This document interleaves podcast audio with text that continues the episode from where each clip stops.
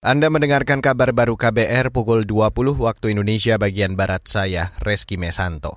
Saudara Presiden Joko Widodo berpesan kepada seluruh penerima bantuan sosial agar memanfaatkannya untuk hal-hal yang produktif.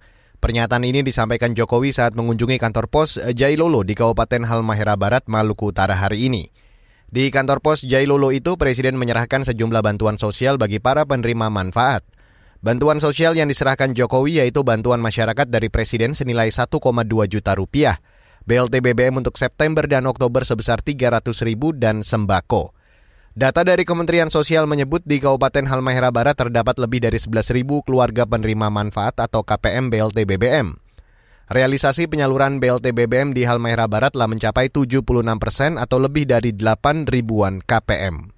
Beralih ke berita selanjutnya, Saudara, produsen tahu tempe terancam gulung tikar atau menutup sementara usahanya jika harga kedelai semakin terus meroket.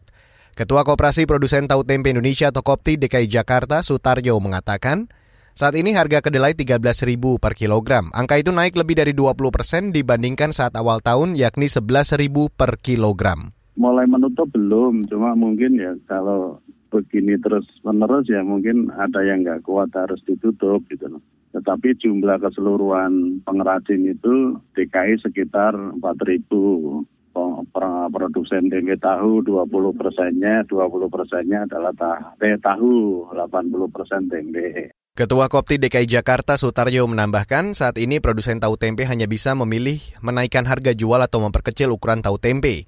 Kalau dua opsi ini tidak dilanjutkan maka pendapatan produsen akan makin anjlok akibat tingginya harga kedelai. Sutaryo berharap pemerintah aktif bekerja mengatasi lonjakan harga kedelai. Saudara saksi kasus dugaan pelanggaran HAM berat Paniai menyatakan aparat TNI menembak ke arah mendatar untuk membubarkan masa yang berdemo di depan kantor Koramil Paniai. Saat itu, masa berdemo untuk memprotes peristiwa pemukulan warga yang terjadi malam hari sebelumnya atau pada awal Desember 2014.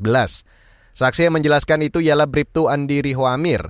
Ia adalah salah satu dari empat saksi dari kepolisian yang dihadirkan jaksa dalam sidang lanjutan kasus Paniai yang di Pengadilan Negeri Makassar, Sulawesi Selatan hari ini. Terdakwa dalam perkara ini adalah Mayor Infanteri Purnawirawan Isak I selaku bekas perwira penghubung Kodim Paniai.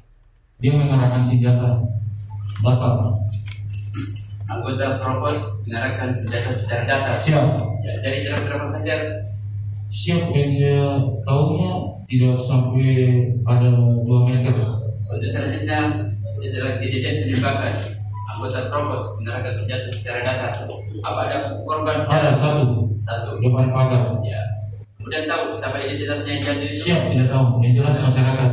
Andi Riko Amir menambahkan usai insiden tembakan yang mendatar dan nampak jatuh korban dari warga, amuk masa mulai mereda dan bergerak mundur. Dalam kesaksiannya, Andi Riko juga mengaku melihat ada dua warga korban luka tembak. Selain itu ada juga warga korban luka tusuk saat terjadi peristiwa pelanggaran HAM berat di Paniai, Papua 8 Desember 2014. Dan saudara, demikian kabar baru saya Reski Mesanto.